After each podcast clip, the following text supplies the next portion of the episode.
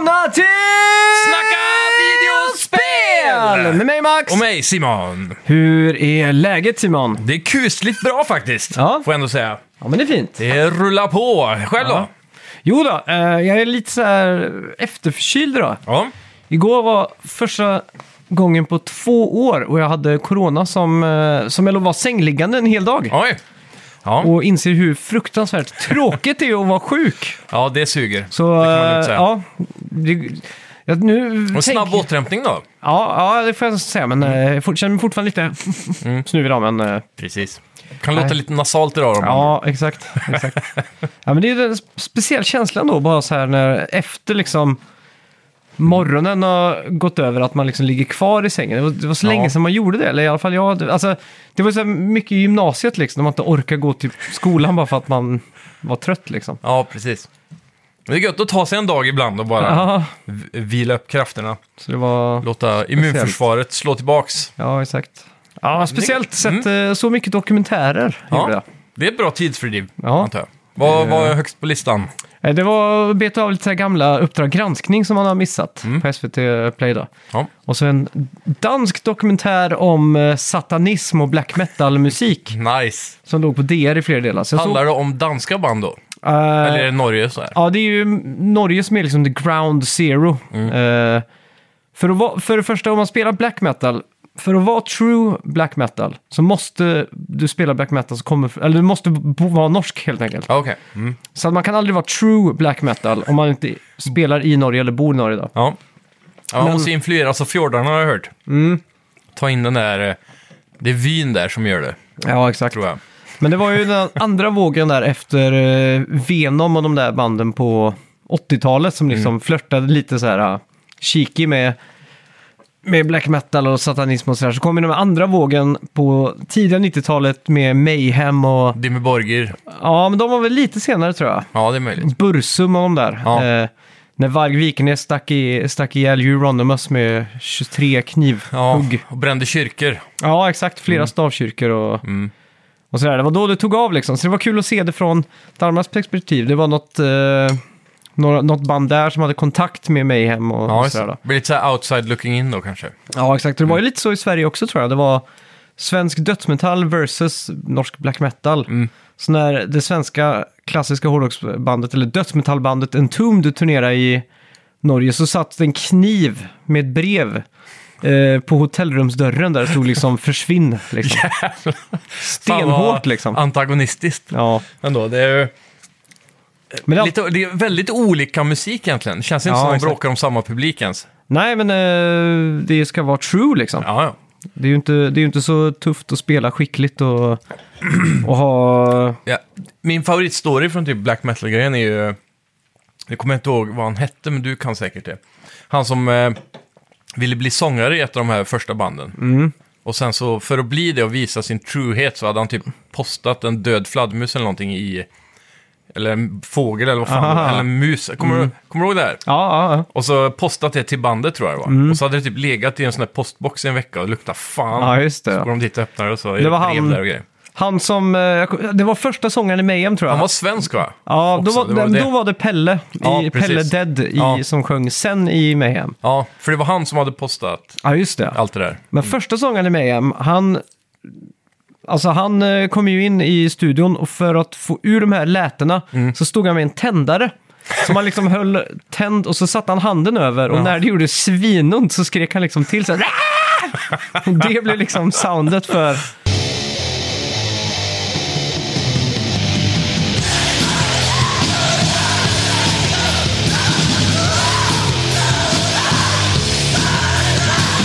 Det var liksom innan growl och så var en sak. Så Ja, de exakt. kallade det för gut puking, för de visste inte riktigt vad de skulle kalla det. Ja, just det.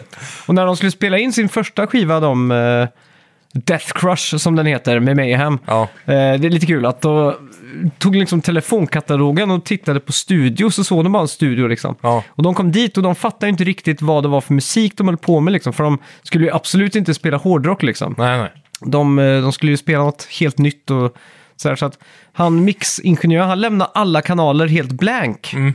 Så att det var liksom inget mix, det var bara det kom in på mixerbordet och Ja. så Det var inget jävla- extra och inget nedskruvat. liksom. Nej, exakt. Det var bara helt, helt eh, rak EQ på allt, liksom. Och på något sätt fick han för sig att de spelar reggae. Jaha. Så han hade ställt in en reggae-virvel, så han fick så här Fan, vad- oljefatsljud liksom. Fan vad det känns som eh, så en lost generation där, när de bara ser de nya ungdomarna kommer in och bara, ah men det här måste ju vara... Jag har Det är aldrig, hört, reggae, jag har aldrig liksom. hört reggae, men det måste vara reggae. Ja, och sen, och sen när De- Death Crush-skivan kom, när de Ja. fick den på vinyl liksom, då hade de ju bestämt den skulle vara blodröd Mm. med Mayhem-loggan på toppen. Och så hänger det några likdelar tror jag på någon rep och grejer. Ja, det ser väldigt precis. så makabert ut. Men så var den missprintat så den kom så var den rosa. Ja, det är så jävla bra är det. Och den är liksom, du, du får ju punga ut 20 000 minst om du ska ha en rosa Death Crush idag liksom. Ja, fy fan. Det måste ju vara en riktig, eh, Ja. en av de största i hårdrockens samlar... eh, Ja, det- jag vet också Historia den, den måste det vara. gula geten. Det är ju ett, ett svenskt band som egentligen bryggar mellan Venom och den här andra vågen. Det är ju det svenska bandet Bathory. Ja, just det. Eh, och de har ju en skiva med den här mest ikoniska omslaget, med den här geten på omslaget. Mm. Och då, då ska man ha den gula geten för det är första pressen. Den Okej. vet jag är helt extremt, Dyr. ja, Mm. riktigt dyrgrip. Så det är ja, Ja. kul. Och vi, vi var, ju, var ju på konsert i veckan. Vi var Det ju var vi. I Stockholm. Ja, det var jävligt kul. Såg Blink Inte, 182. du, en diagonal motsats till black metal-communityt. Ja, verkligen. Det satt inga eh, brev med knivar där. det roliga är att Blink startade 92 tror jag. Mm. Samtidigt som typ Mayhem och de höll på. Det är lite liksom- galet ändå. Det är ju motpolerna egentligen. Ja. Norsk, de bränner kyrkor och sånt. Ja, I så kommer Norge. California där och... Och så sitter de nere i San Diego och dricker några Budweiser och är- skriker liksom. De är ju boyband Ja. jämförelsevis liksom. Så är det ju bara. Men det var en jävligt bra konsert. Förband, Ja, vad shit, hette de alltså. nu? Story So Far. Story So Far ja. Ja, de var Shit. också bra, men jag, De jag har ju aldrig lyssnat på dem, så jag har svårt att greppa lite. Ja, Väldigt, jag tyckte väldigt många av deras låtar var exakt likadana typ. det är ju lite, de lider lite av det att det är exakt samma tempo på allting. Och så att Och så samma sätt tonartsskrik på sångaren Ja. typ. Eller vad man säger. Parker sjunger ju väldigt högt liksom. Mm. Så att, eh, Men det var nice. mm. Riktigt ja, det var bra. jävligt coolt. Eh, så fick vi ju stött på lite Jag, ty- lyssnare jag tyckte det var och jävligt coolt Dennis. när, i alla fall eh, när, när eh, The Story So Far spelade No Cigar med svenska Millencolin det var coolt. högt. Och det är ju extra coolt för den låten är ju med i Tony Hawk's Pro Skater 2. Så Mm. det är säkert på den vägen de har hört den. Säkerligen. Men Millencolin måste väl ha blivit rätt stora efter det va? Ja, jo, jo, helt klart. De måste väl ha turnerat i USA och allting? eh, Ja. Mm. Så, ja, jävligt coolt faktiskt. Ja, Ja. vi, vi träffade lyssnare ja. Mm, det var jävligt kul. Ja. Vi, fick ju en, eh, vi, vi kastade ut i förra avsnittet att eh, om Oh, det är någon shit, som alltså. Mm. eh, är där så får ni höra av er.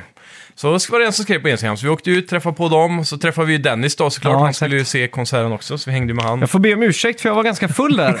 Eh, jag vet inte riktigt vad som hände alltså. Nej, men det är den här eh, mitt i konserten-ölen som gjorde Ja, det va? jag, tr- jag tror det på något sätt blev någon jättestor cirkelslutning för mig. För jag har liksom inte lyssnat på Blink så mycket de senaste tio åren kanske. Mm. Så blev det en lite reunion, eller när de kom tillbaka där 2009 liksom. Ja, Då var det ju sen nostalgi-kick liksom. Mm. Och då höll det liksom fram till 2011-12 ungefär. Mm. Så droppade jag av. Och nu plötsligt står man där och tittar och så tänker man jävlar, det har gått 20 år av mitt liv Ja. på sen när jag liksom kände mig vuxen och lyssnade på dem Ja. i typ så här ettan på gymnasiet eller i nian liksom. ja. Och nu... eh, Eller börjar jag man kände ju- mig inte vuxen men... Nej, men man gör ju det när man är i Ja. den åldern. Man tycker att man är så stor. Så det blev mycket så här att Men, stå och ja. Mm. reflektera så här, vad, vad jag åstadkommit i mitt liv. Så här, vad Ja. fan... Och så ser man ju Mark Hoppus ser ju jävligt gammal ut nu alltså. Ja, Det gör ju dock inte Travis och Tom lika mycket. nej. Men han har också haft cancer då. Ja, jo det har han ju. Så Mm. det, det gör- sätter sina spår säkert.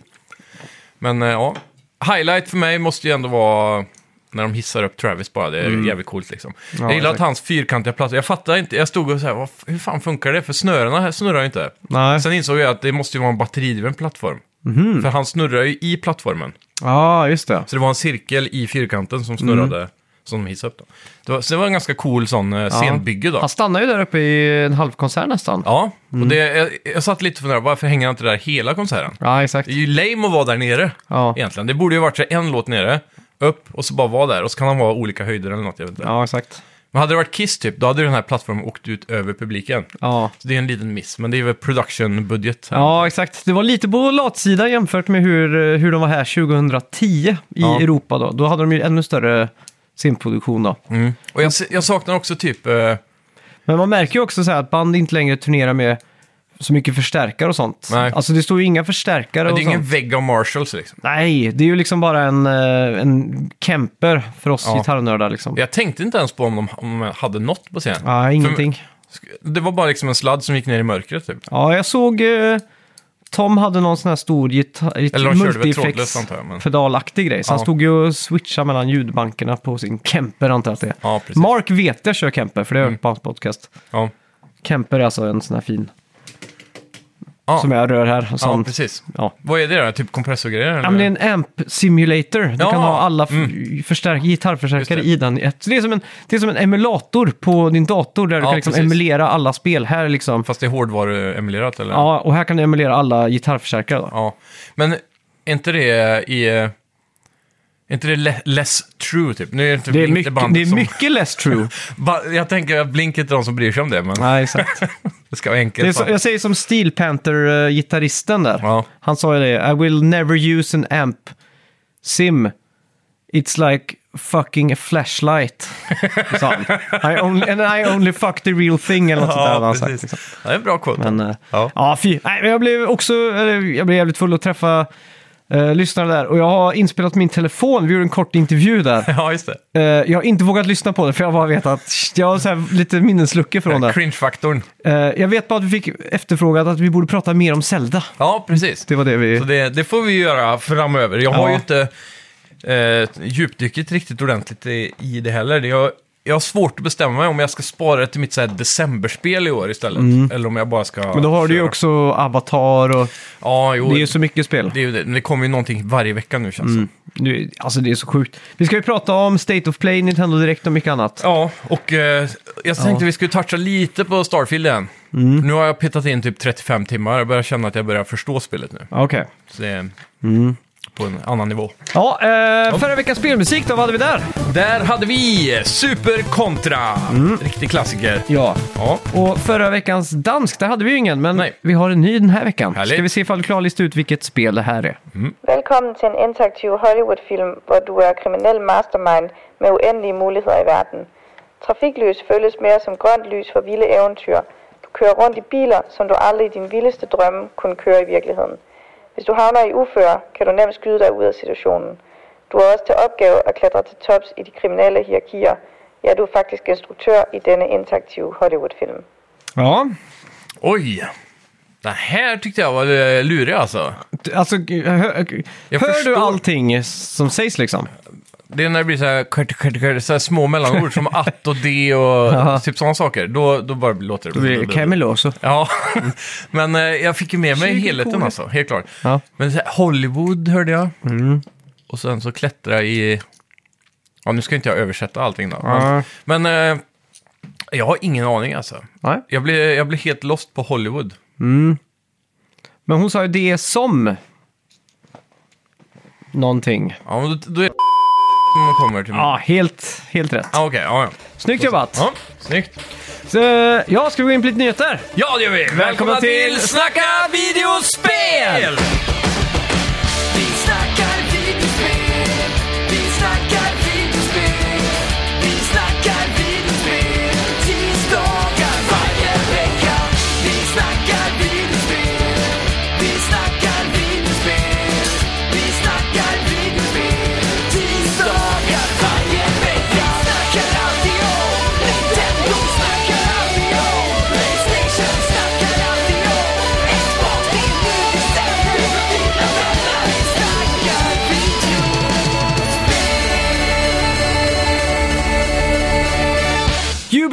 Montreal hade i veckan för första gången på, på tre år sina anställda tillbaka på kontoret. Och inga, eller väldigt få av de anställda verkade glada över det här och kallade det för a broken promise from the Ubisoft leadership. Och det handlar om att de har vant sig med att jobba hemma i lugn och ro. Och med sin egen utrustning och, och, då, ja, och att de måste lägga tid och pengar på pendling numera. Ja, jag förstår ju båda sidor ur det här perspektivet. Mm. Väldigt väl, skulle jag säga. För man vet ju själv, jag har ju alltid drömt om att ha ett sånt där digitalt jobb där jag kan sitta hemma Mm. och så bara göra det jag ska göra. Samtidigt så vet jag att om jag sitter hemma så blir ingenting gjort. Ja, exakt. Så produktiviteten kan ju inte vara som den är på kontoret. Men det har de ju sett med de här coronagrejerna, typ att på många ställen har ju produktiviteten faktiskt ökat. För att de späder ut arbetet, inte bara på de åtta timmarna, utan sitter de hemma på kvällen och får en idé eller tanke så ah, kan man lika gärna springa in och, Koda lite. ja, eller Eller fixa det som ska göras liksom. Jo. Så, Alltså, men det är ju det här också. Flexibilitet är ju såklart trevligt. Men jag kan tänka mig på sådana här stora projekt så måste ju en stor del ligga i, i Mm. att, vad heter det, när man samarbetar, att man eh, så här, knyter, knyter ihop liksom. Det är så enkelt, så här, jag går bort till ditt bås och så bara diskuterar vi, eller kommer du över till mig och tittar på det jag har gjort. och ja, så, exakt. hela den där grejen, och sitta via Zoom och så, det kan ju inte vara effektivt liksom. Nej, det, kän- det känns ju inte som, eh, som det i alla fall. Så, men eh, det är klart. Mm. Det, det finns eh, sä- flera sätt att se på det, men samtidigt Ja, så är det exakt. det att då ska ändå Ubisoft då, som arbetsgivare Men, eh, kanske ha... Hur jag- många kan du jobba på den här studion? Flera hundra säkert? Ja, men jag, jag tror inte heller att det handlar om att de var tillbaka på heltid, utan Nej. att de måste in En gång i x, an, veckan, x eller? antal dagar i veckan. Ja, Eh, men ändå så här, det, jag ser inget fel i det att men knyta in och få lite så här konferensmöten och diskutera Nej, saker. exakt. Men just det där real och- life, så. just det där och, och som en sån nordamerikansk stad, du måste sätta dig kanske en timme före för, i bilen för att liksom ta dig till stället, sitta i bilkö Ja, och all den där jobbiga grejen liksom. men de har ju ofta ganska bra kollektivtrafik då. Mm. Ja, kanske inte Kanada de har väl bättre i och för sig. Mm. Men de kanske inte är så sugna på det, visserligen. Mm. Det vet man ju aldrig. Men eh, ja, som arbetsgivare hade jag ju gärna velat få in de här gruppmötena och se hur progress går. Liksom. Mm. För sitter folk hemma så i alla fall, hade jag anställt mig själv så vet jag att det hade blivit mindre gjort. Ja, exakt. känns det som. Mm. Och det är också det där, om man har suttit hemma och ska göra någonting, då vet man ju att det är så lätt att glida in på YouTube eller en, en flik någonstans. Eller Ja, exakt. in på mailen Mm. och såna här grejer. Och så helt plötsligt har det gått en timme liksom. Ja. Jag tycker det är rätt skönt att sitta och jobba hemma faktiskt. Eh, Mm. De gångerna jag gör något som, som, jag, som jag kan göra det på, Ja. så tycker jag bara det är... Men det är det här att ha en dedikerad plats. Mm. För jag vet många som jobbar hemifrån skaffar sig ändå ett kontor som är billigt Ja. nere i stan. För då de får disciplinen att gå till en annan plats än hemmet typ. Eller gör som Jan Guillou, det är att bara gå ut från dörren, gå Mm. ett varv runt huset.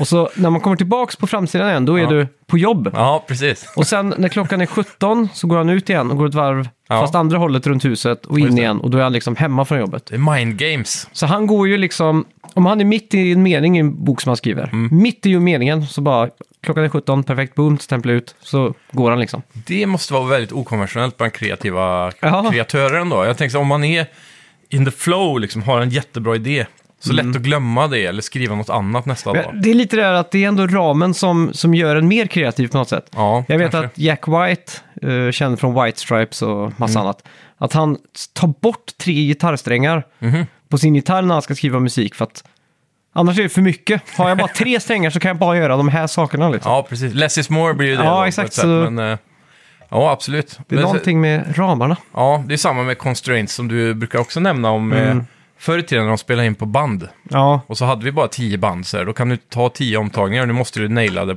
ja exakt. med en gång liksom. Mm. Så, och då gör man det. Så det finns ju det också såklart. Ja. Men ja, det, jag förstår att folk eh, blir bortskämda när de eh, fått sitta Mm. hemma så länge. ja. Eh, så det är inte konstigt att de klagar. Mm.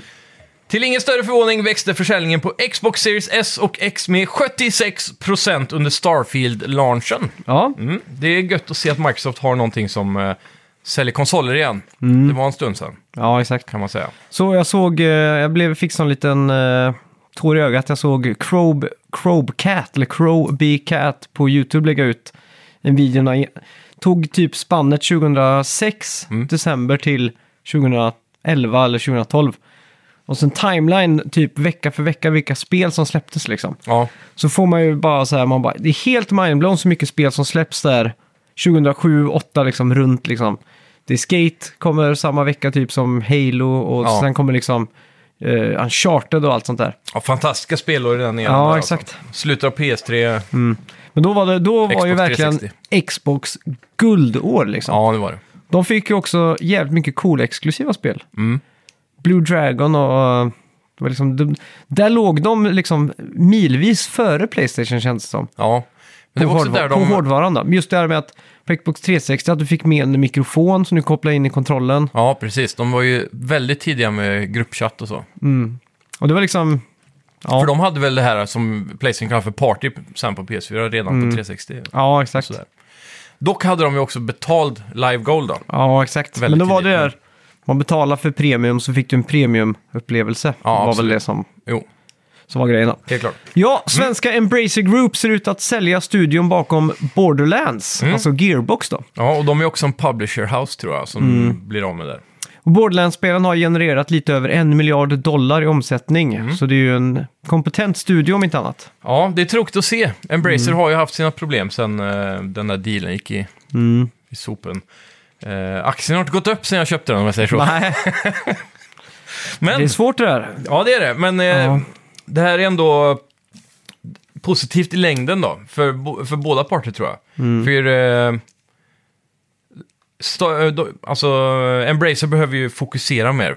Mm. Och då får de ju skala av lite av det de inte klarar att hantera. Mm. Och Borderlands gör sig ju bäst. Jag, jag skulle gärna se att Gearbox är självägt egentligen. Mm. Lite så som vad heter det, One on One Studios som hade Hitman. Mm. Så det hade varit nice om Gearbox på något sätt, deras leadership eller något, kunde köpa loss Gearbox själva och Mm. self-publisha sina egna spel. Ja, just det. Det tror jag hade varit det bästa för dem. Mm. Men, men, vem hade du helst sett skulle köpa det om de inte gjorde till exempel self-publishing eller Oj. Allt förutom eh, Microsoft, ja, tror och jag. EA? Ja, För de förstör ju allt de tar i också.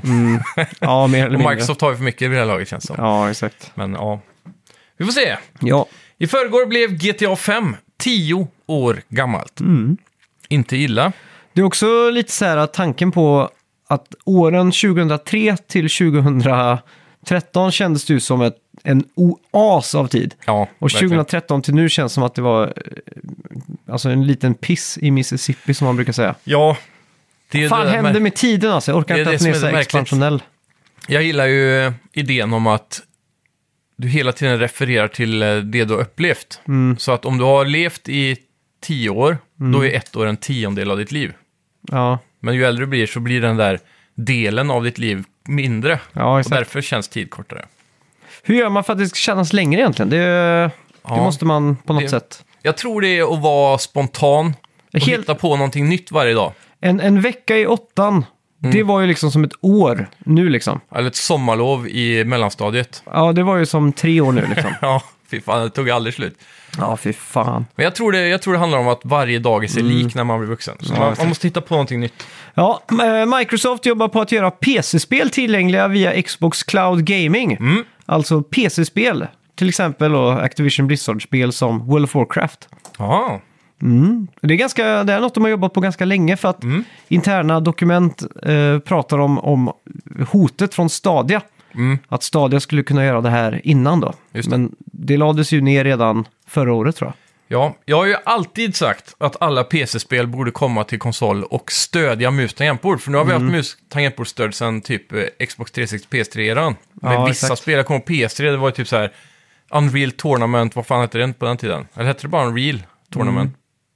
Det kom i alla fall en Unreal på PS3. Ja, Och det spelet hade mus tangentbordsstöd och det kommer jag ihåg var fascinerande. Mm.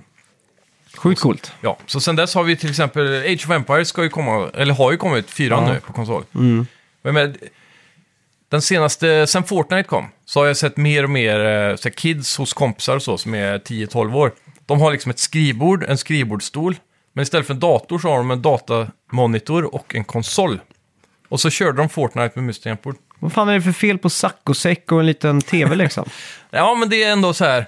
Det är, ändå, det är ändå godare att sitta och spela på en saccosäck Ja. med kontroll eller? Det är kanske det. Men de här PC-spelen, vissa specifika, typ Age of Empires, gör sig ju bäst med mus och tangentbord. Ja. Onekligen.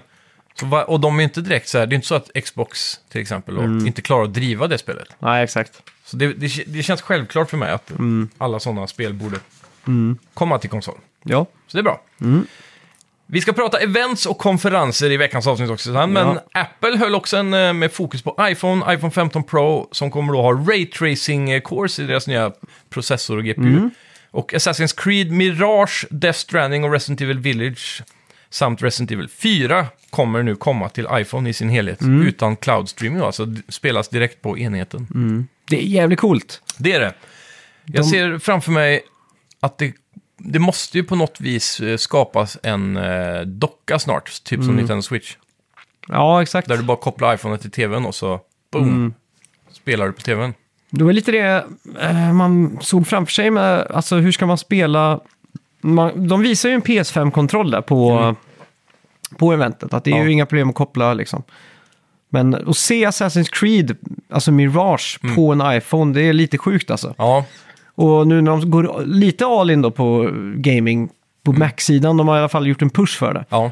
Eh, och nu med den här eh, iPhone 15 Pro, jag tror det var att den heter A17A eller något sånt där, det är A17 chippet. Pro. Ja, var det så det Var det inte det med? första chippet som någonsin kallades Pro typ?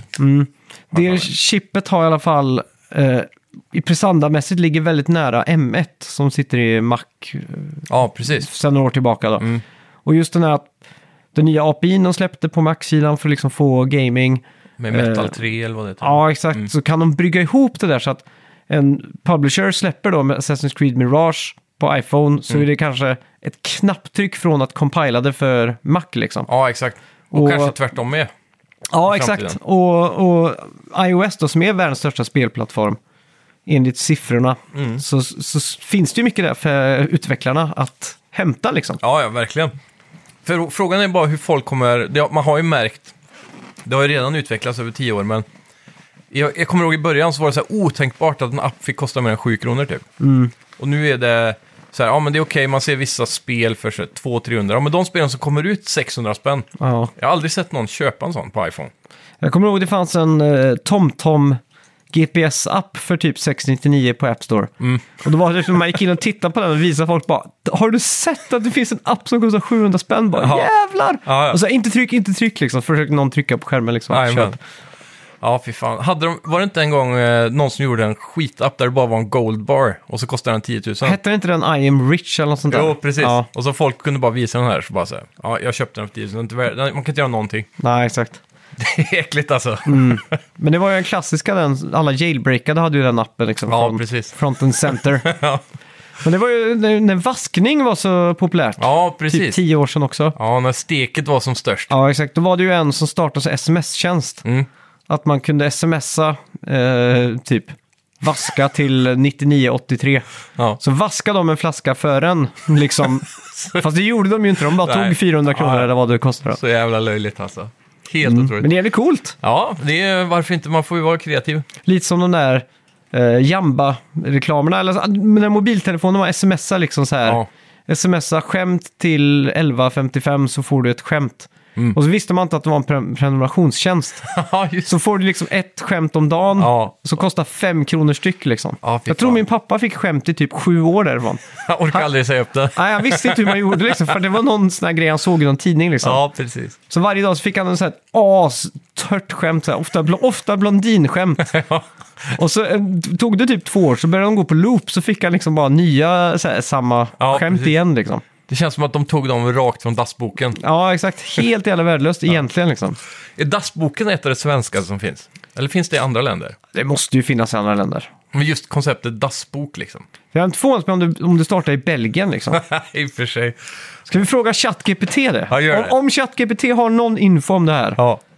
Så, så vill jag vara jätteimponerad. ja, det ska jag också. Det känns jävligt nischat ändå. För nu, nu när jag har fått lite mer kontakt med den danska sidan så jag blir jag chockad över saker som inte är svenskt, som man tänkt är svenskt. Ja, Arla. Ja, Det är var den största mindblown för mig i alla fall. Och sommar och sol, vet den där. Ja, precis. Sommar, sommar och sol. Havet och vinden. Alltså hade jag kunnat gått på ett kasino och bettat pengar på om den var svensk eller inte liksom. Ja. Så hade jag, hade jag lagt allt jag äger på att den var svensk liksom. Hela min barndom bygger på att det Ja. är svensk sommar. Okej, v- vart kommer konceptet dassbok? Eller vad är dassbokens ursprung? Eller? Kommer de säga så här, 1815 i Ja. vilda västern så började de skriva skämt på dasspapper. För nästa besökare. Mm. Ursprung. Har sitt ursprung i Sverige? Har du det? Vi ska se, jag frågar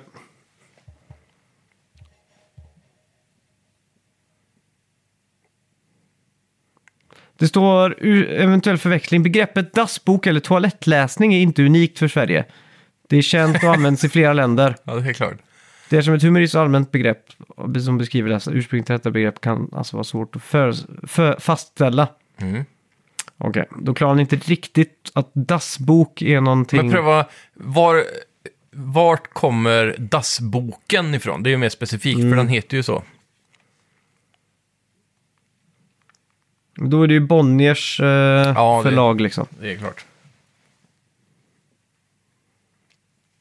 Okej, här har vi det faktiskt. Mm. Dassboken är ett begrepp som ofta förknippas med svenska författaren och konstnären Lennart eh, Hellsing. Mhm. Han gav ut en bok med titeln Dassboken 1965. Mm. Boken innehåller korta och humorist- humoristiska dikter och texter avsedda att läsas på toaletten. Mm. Eh, Lennart Hellsing är känd för sin lekfulla och humoristiska stil och hans Dassboken blev populärt och gav upphov till begreppet dassbok. I Sverige, används, eh, I Sverige och i användningen av D-böcker för att underhålla sig själv på toaletten. Okej, det lät lite sådär. eh, så det är från Lennart Hellsings bok som begreppet har sitt ursprung. Ja, bra. snyggt. Ja, men då ja, bra. ChatGPT.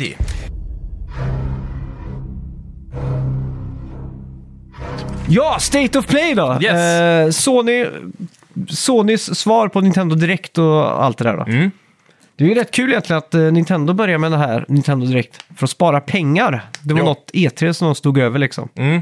Ja, just det, det stämmer det. Mm. Eh, och det som kom ut av det egentligen som är väldigt positivt är ju att vi nu får flera stycken så här, jämnt utspritt över Mm. hela året. Jag tar fan hellre en stor varje sommar alltså. Ja, man det är vill ju lite ha som, den vill där. man, vill man hellre få betalt varje dag Mm. eller tar man en månadslön i slutet på månaden liksom? Ja, det är sant. Det... Men i och för sig, ska man portionera ut, hade man hellre tagit en... Man hade ju hellre tagit en månadslön än en årslön. Ja, Så det hade man ju. En gång om året, boff, här får du din lön liksom. Ja, det hade varit jobbigt rent eh, husekonomiskt och liksom förvalta de pengarna i ett helt år. Det känns som många svenska hushåll hade säkert gjort, gått Lyxfällan-vägen där och bara Mm. spenderat allt på sex månader istället. Ja, exakt. Känns det som. Huh, jag har varit på bankmöte idag så jag är lite så här, och posttraumatiska stresssyndrom från att prata om sådana saker nu. ja, siffror. Men Ja. det som vi spekulerade i för några veckor sedan stämmer. Roblox kommer! Ja! Jag vet, inte ens vad, jag vet inte vad Roblox är, men det verkar jättestort. Ja, Roblox är ju det... Jag skulle säga kanske kidsen som är lite mindre än de som spelar Fortnite spelar. Okej. Det är, för många tror jag det är idag deras första spel. För de börjar Okej. i skolan så här och så spelar alla kompisar Roblox och så kommer de hem så vill de testa det och det funkar. Du kan spela det här på en potatis liksom. Det är världens simplaste spel rent Men, grafiskt. men är det inte liksom... Jag tänker med Habbo Hotel. ja, det Den här där är, gamla grejen liksom. Det här är ju 3D Engine, men jag tror det, här- det här är mer som Dreams kanske, fast det är en lyckad version av det. Och jag tror de har ett sånt starkt nät att de har content creators då, som gör game modes och spel i Roblox, som får betalt av Roblox. Så att de har anställda, liksom inte tredjepartsutvecklare, utan så här privatpersoner nästan, det. som har blivit spelutvecklare i Roblox. Ja. Annars är det inte jättesvårt att googla på Roblox och få Nej, en uppfattning. Men det, det finns ju massa microtransactions, så du kan köpa skins och in-game Mm. content och så vidare. Men det här är ju då basically, går in i spelet och spelet är inget spel utan det är massa småspel. Det är ju inget annat spel i världen som är mer dab-kompatibelt. Om inte kanske Fortnite då. Ja, Fortnite har ju gått samma väg nu, Mm. de sen de senaste updatesen. Men ehm, jag vet, mina, vad, vad blir det, min sambos systersöner, de är runt 10, de har ju spelat Roblox ett tag. Och jag minns en gång de masade på mig, "Ja, du måste skaffa Roblox, det här är ju free to play. Mm. Så man går in, eh, jag gick in där och så skulle jag vara med på något game där. Och då var det ett minigame där man körde stora fraktbåtar. Det var som ett simulator typ. Mm. Typ som tänkt flight simulator fast du kör transport chips bara från A till B. det var Mm. Jaha. skittråkigt alltså. Och han eh, tyckte det var asfett då, för han gillar Mm. ju båtar och grejer. Ja. Men eh, ja, det finns allt mellan himmel och jord där alltså. Det kanske är svinkul. Det kanske Ja. är som Dreams. Det, ja, eller om inte annat eh, någonting som man bara tittar på och tänker barnsligt. Precis som man gjorde med Minecraft. Mm. Ja, så exakt. visar sig att Minecraft är ju jävligt kul. Ska vi spela det tills nästa vecka om det släpps i Vi veckan? får nog göra det tror jag. Mm. Se vad det här handlar om. Ja, sen visar de upp eh, två VR-spel också då. Mm. Vi fick se mer av eh, Resident Evil 4. ehm, som eh, såg jävligt snyggt ut faktiskt. Ja. Och sen då Ghostbusters VR, Rise of the Ghost Lord. Som är... Jag vet inte varför, men jag är så här, Jag gillar ju IP't Ghostbusters. Mm. Men jag tycker inte konceptet nöd, nödvändigtvis translatear bra till gaming, men jag vet inte. Nej. Det är så här, Luigi's Mansion är väl kanske det som har gjort det bäst då. Om man säger så. Det var ju något uh, spökspel vi spelade också på, som var Ja. early access typ. Precis, och Som det, också är väldigt liknande. Ja, det, det kändes väl lite content-tomt bara. Just, Ja. just där och då. Jag vet att jag har fått mycket updates sen dess. Men eh, visst, det, var ju också, det var ju ganska kul en stund. Men lite ensformigt. Det här ser ju dock ut att vara väldigt fokuserat på samarbete. Ja, just det. Och i VR så är det någonting som gör VR roligare så är det multiplayer. Så det finns potential, absolut. Ja, exakt. Men det måste vara... VRs största problem just nu är att det måste vara bra crossplay. Annars blir spelarbasen för liten. Ja. Vi fick också ett, eh, en DLC till Resident Evil 4 Ja, i form av Separate Ways. mm. där man får spela som Ada Wong heter hon va? Och eh, ny grappling hook mechanic. Så hon är väldigt smidig och sådär. Det är egentligen rätt sjukt. Om någon 2011, liksom när Resident Evil 5 hade kommit och så, Ja, hade någon frågat mig så här, kommer det komma DLC till eh, Resident Evil 4 någon gång? Aha. Ja eller nej, så skulle jag bara sagt nej. Det kommer ju aldrig komma liksom. nej nej. Men nu lever vi i en sån tidsanda där det är väldigt mycket som kommer tillbaks. Verkligen, men också på ett bra sätt. Det är inga Ja. sådana cheap cuts där de bara spelar på nostalgi. Nej, det tycker jag faktiskt inte Capcom gör med de här spelen. För att Nej. i och för sig Resident Evil 4 var ju fullt spelbart. eh, Sen innan Ja, på Absolut. ganska liknande sätt som det är nu. Men, Ja. Och de gjorde ju mer med Resident Evil 2-remaken till exempel. Absolut. Som, som gick från tank controls och fasta vinklar till fullt 3D. Så här. Men Mm. eh, ändå jävligt eh, starkt jobbat. Ja, men det tycker jag. Mm. Kul att de alltid pushar DLC på sina spel med, som är i hög kvalitet. Ja, Det har de gjort i alla egentligen. Mm. Sjuan och åttan och allihopa. ja exakt. Så ja, nice. Mm. Trailer från Avatar från Tears of Pandora som då kommer den 7 december. Vi är snart Mm. där nu. Ser jävligt snyggt ut. Ja, det gör det. Det är extremt snyggt faktiskt. Och det här är Next Gen Only. Vad är det för engine? Är det Snowdrop de har här? Ja, för det är väl Massive som ligger bakom det va? Ja, det är en fruktansvärt snygg engine alltså. Mm. Måste jag, säga. jag, jag, jag är inte lika imponerad. Det här ser ju ut att vara snyggare än vad det var när de visade upp Division innan det där UB Downgrade var. Kommer du Ja, ihåg det? ja, det exakt. Mm. var galet snyggt första demot. Så det här, jag vet inte, det. Det ligger liksom en sån här mörkt moln över hela Avatar-IPet känns det som. Där det är så Ja, himla exakt. många där ute som automatiskt är negativa bara de ser Avatar. Men jag tycker det här ser skitcoolt ut alltså. Ja, men jag förstår ju grejen så här. De har gått first person så de ska slippa se en eh, avatar. Den där blåa grejen liksom. Så Ja. det, det förstår jag. Mm. Och så är det ju att man attackerar mer sådana här mech suits och eh, Humans. humans ja. Mm. Så man slipper att se dem på det sättet. Så att, Ja, och, Och- man är ju dubbelt så lång som en human också. ja. Så att det blir konstigt kanske. Så stjärnan blir ju egentligen mer av, ska man säga, eh, miljöerna liksom. Att det Ja, men jag älskar ju hela konceptet också med att de, först och främst, det här har varit i utveckling bra länge. Så de har ju nailat allt det här med att bli en del av världen där du kopplar upp det till ditt djur och dina träd och allt vad fan det är. Allt det här som är typiskt avatar. Men sen också att de väljer då Far Cry-liknande gameplay tycker jag är en perfekt mix. För Om jag tänker tillbaka på Far Cry, eh, vad fan heter det, när man är i stenåldern typ. Här Primal. Mycket, ja, precis. Så det har ju mycket fokus på det här med pilbåge och så som Avatar eller eh, Navis har. Men samtidigt så har de också valt att i storyn så är du en Navis, du är inte en Avatar. Utan Nej. du är en äkta Navi som har blivit kidnappad som barn och sen tränad hos människorna Ja, just det. för att slå tillbaks mot Navi. Och då har du ju fått lära dig människornas kultur och människornas eh, vapen. Så det förklarar ju också väldigt enkelt varför du då kan hantera sk- vanliga skjutvapen så bra och, Ja, så just vidare. det. Då. Så du får så här best of both worlds, för då får du också komma tillbaka till Navi och lära dig deras sätt. Och det är så du då i storyn connectar till. För det hade ju varit konstigt om du är en Navi och inte kan någonting om skogen, säger vi. Ja, exakt. Så det gillar jag. Jag gillar också konceptet av att du då fångar en sån där, precis som i första filmen, de fångar sin flygande drake typ. Och sen så är det din drake och så kan du säkert customisa den och så vidare. Men att det är den du har hela tiden, så hoppar du ut för ett stup så kommer den och fångar dig och så flyger du iväg och så. De verkar ha tänkt på väldigt mycket detaljer här. Ja, Så jag är superhypad för det här spelet. ja. Jag hoppas bara att det inte blir sjukt ensformigt, att man går från så här base till base och bara gör rinse repeat. ja exakt. liksom. Då kommer det bli ett Ubisoft-spel bara. Ja. Alltså, det enda för mig som talar emot det här, det är egentligen bara att det är Avatar. Ja, precis. Men det är det, lite det jag pratar om. Så det, därför är jag väldigt glad för att det är first person i alla fall. Så jag slipper att konstant Mm. Du ha ett kommer, ju, intryck. du kommer ju se Navis i storyn då, hela Ja, tiden. om det inte kommer någon PC-mod som liksom suddar ut alla de här avatarerna. Det hade varit skönt. Ja. Lite, det- som, eh, lite som att det finns eh, fancuts av eh, Phantom Menace när de har klippt ut Jar Binks och så vidare. Ja, precis. Borde det här spelet ha stöd för Nvidias 3D-glasögon typ? Eller 3D-motor? Det borde det ju ha, ja, det egentligen. känns så. Om man spelar på PC. Ja, shit Men det, alltså. Ja, nej, jag vet inte. Jag, jag, jag tycker jag har fått förvånansvärt mycket skit med tanke på hur välpolerat det ser ut i det de har visat. Men det, är, det vi som den får skit för, det är ju egentligen bara att det är Avatar. Ja, men jag vet, Avatar-hatare är ju väldigt, eh, vad säger man, de hörs och syns. Mm. Medan på bio så blir det fortfarande succé. Ja, Även men det, det är också så. Jag gick ju och, hate-watchade den, men det är också mycket... Det är James Cameron, hantverket är bra, han kan göra en film liksom. Ja. Det är bara synd att, att det är de här blåa grejerna som, som springer runt liksom. Ja. Och att det är den här världen, Pandora. Ja. ja, jag tycker ju tvärtom. Ja. Det är ju styrkan i det. Pandora Ja. är ju fascinerande liksom. Jo, jo själva Det världen är fascinerande. Det Men de här... det är en mycket bättre Alien World än vad det är någonstans i Starfield eller i No Man's Sky eller i något annat spel där du är på en alien-planet. Ser ut som i alla fall. Mm. Ja, De har ju jo, tagit jo. allting från... Jag menar, filmskaparna har ju lagt bra mycket tid på att försöka tänka ut intressanta plantor och djur och Men det, är, växter. men det är och ju fruktansvärt irriterande när de pratar med så här amerikansk-jamaikansk dialekt. Dialekt, de här... Navi, ja. Varför, Ja. varför ska de göra det liksom? Nej, jag vet inte. Men det är väl kanske det lättaste sättet då.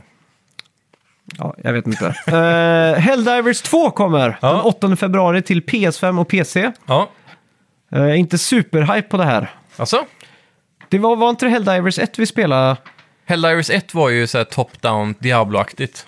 Jaha, okej, då Twin- tänker jag nog fel. Det, det var en twin-stick shooter typ. Vilket spel är det jag tänker på som var utvecklat av Cliff Blesensky? Outsiders? Nej. Out, Outriders. Outriders. ja, Outsiders. där har vi den ja. ja, Outriders, ja precis. Så det här är ju inte, det är inte en tvåa redan. Nej, det var det jag trodde det Ja, var. för det Okej. kom ju förra året typ, Mm. tror jag. Det var väl en av Square Enix stora misslyckanden som gör att folk eh, har missuppfattat att Mm. Final Fantasy 16 skulle vara en failure för att det har sålt för dåligt. Ja, Men det de har sagt är att det har sålt för dåligt för att det täcker inte upp för alla andra förluster de har nej just det. haft då. Mm. Så i det sista. Men ja, nej, Helldivers är ju då ett indiespel egentligen. Mm. Som blev ganska populärt. Jag har för mig att det kom på PS3, men det var nog PS4. Mm. Och eh, det var Twin Stick Shooter-aktigt. Och nu har de fått större budget, så nu går de i tre- 3D. Och det är väldigt det. Mm. mycket fokus på co-op och döda insekter. Man får lite så här Starship Troopers-vibbar nästan. Ja, just det. Så det jag. Det första trailern hintar ju mycket till det också. Så. Ja. Mm. Sen var det JRPG-fest med Honkai Star Rail och Tales of Rise Beyond the Dawn. Fan, de här Tales-spelen känns som de pissar ut alltså. Ja, det fy fan. Mm. kommer ett nytt hela tiden känns som. Lite som Yakuza. Och sen då den där, eh, vad heter det, Nintendo-spelet? Splatoon. Splatoon ja. Mm. Där är det väl lite i samma bana med... Det är det ju. Foam Stars visades upp igen då. Mm. Ja. Eh, De verkar ju vara väldigt eh, stolta över sitt eget arbete här Ja, i trailern. Så att, eh, vem vet? Jag vet ju att Splatoon är ju ett sånt där spel som jag aldrig har rört. Men som har fått en väldigt stor fanbase. Och det är kanske ett av de eh, mest populära competitive shooters på Switch, om inte det populäraste. Det är inte så stort utbud Mm. Ja, heller, men, visserligen. Men eh, det finns ju potential för det här. Men jag tror att på andra konsoler så är det här konceptet lite för weird. Jag tror Mm. man, man startar nog hellre Call of Duty i slutändan. Eller något sånt. ja exakt. Jag har svårt att se att alla kids som spelar Fortnite kommer byta till Foam Det här är ju för vuxna människor som, som spelar eh, Splatoon. Ja, absolut. Det skulle kunna vara så, men... Eh, ja, sen avslutar de med allting med Final Fantasy eh, 7 Rebirth. Ja! Och då är det då den 29 februari nästa Mm. år som gäller. Och eh, de var väldigt noga med att skriva on two discs, utropstecken, utropstecken. Ja, precis. För Nostalgiskt. det här tar stor plats. Ja. Och eh, förbokar du nu så får du också Final Fantasy 7 Integral Mm, till PS5. precis. Ja, och det är på PS5 exklusivt, eh, hela det här. Ja. Och eh, Integral har väl redan varit på Playstation Plus? Ja, det tror jag. Har jag för mig. Mm. Jag har det i alla fall eh, på något Ja. vis. Men jag vet inte hur. För jag, jag kommer ihåg först fick man ju vanliga Final Fantasy fy- PS4 edition på Mm. Just det. Mm. Playstation Plus. Men på något sätt så har jag Integrade. Jag tror vi kanske fått en kod för det. Ja, så kan det vara. Ja, Eh, Two Disc ska ju dock tilläggas då att du kommer inte få den där nostalgiska trippen av att i mitten av spelet kommer den be dig att byta skiva. nej. Det är lite tråkigt faktiskt. Så det är en install-disk och en play-disk. Mm. Men det var, bästa som fanns var ju när det var fyra skivor. Ja, som Shenmue. Ja, och Final Fantasy 7, 8 Ja, och 9. Mm. Ja, Jag kommer ihåg. fan vad kul det var. Jag, jag kommer ihåg hypen. Även Metal Gear Solid hade ju två. Mm. Men hypen varje gång ett sånt spel när det står så här, dags att byta skiva, då vet man så här, shit, nu, det är som ett Ja. kapitel i en bok. Man, nu, Ja, exakt. nu närmar jag mig. Mm. Jag blev dock besviken i Shenmue, kommer jag ihåg, för jag, jag fastnade ju i det spelet som ung. Så Mm. jag slutade ju spela på första skivan redan. Och sen, två år senare så tog jag ju upp spelet, kom mycket längre ganska fort, kom till skiva två, skiva två var också ganska långt, men sen har jag för mig att skiva tre och fyra var väldigt kort, eller Mm. åtminstone den sista.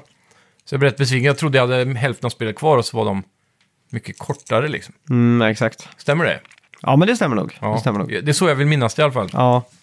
Så ja, skiva fyra på Shenmue 2 tror jag bara är den där sista lilla ön typ. Den är bara så här en 30 minuter game. En, en lång cutscene och typ två dialogval där för mig. Ja, precis. Men men. Ja,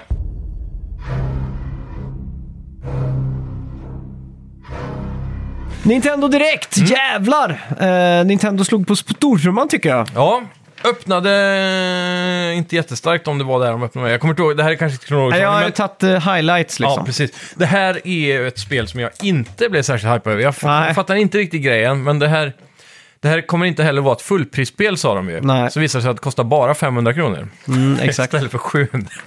Ja. Fan, alltså. Men Mario vs Donkey Kong kommer Ja. i februari, eh, 16 februari 2024.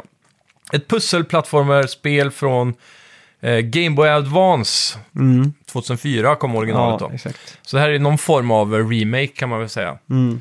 Ehm, Lite samma remake som eh, Paper Mario. Det, det är inte så mycket gjort med gameplay. Man Nej. såg liksom att man rörde sig lite hackigt och sådär liksom. Ja, lite stelt så. Mm. Eh, De har ju putsat upp animationerna ganska mycket. Ja, Men det är väl det. Ja exakt. Så, och grafiken då såklart. Men Mm. eh, det, nej, jag gillar... Jag tyckte inte det här spelet såg ut att vara värt... Jag hade kunnat betala 100 spänn för det här.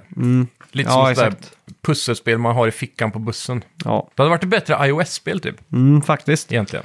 Eh, sen fick vi se Prince of Persia, Ja. eh, The Lost Crown. Det kom också i februari den Mm. 18. Och det här är då ett eh, Switch-exklusivt Prince Asså? of Persia som jag förstod det, men det kanske inte det var. Jag har för mig det här har visats upp förr på en Mm. eh, typ eh, Playstation eller något. Eller om det var sommarens... eh, För det kommer ju en remake på Sense of Time och så Ja. kommer det ju en... För det här är eh, det side-scroll-spelet va? Ja, och så kommer det ju ett nytt Prince of Persia som fick mycket backlash för sin grafik.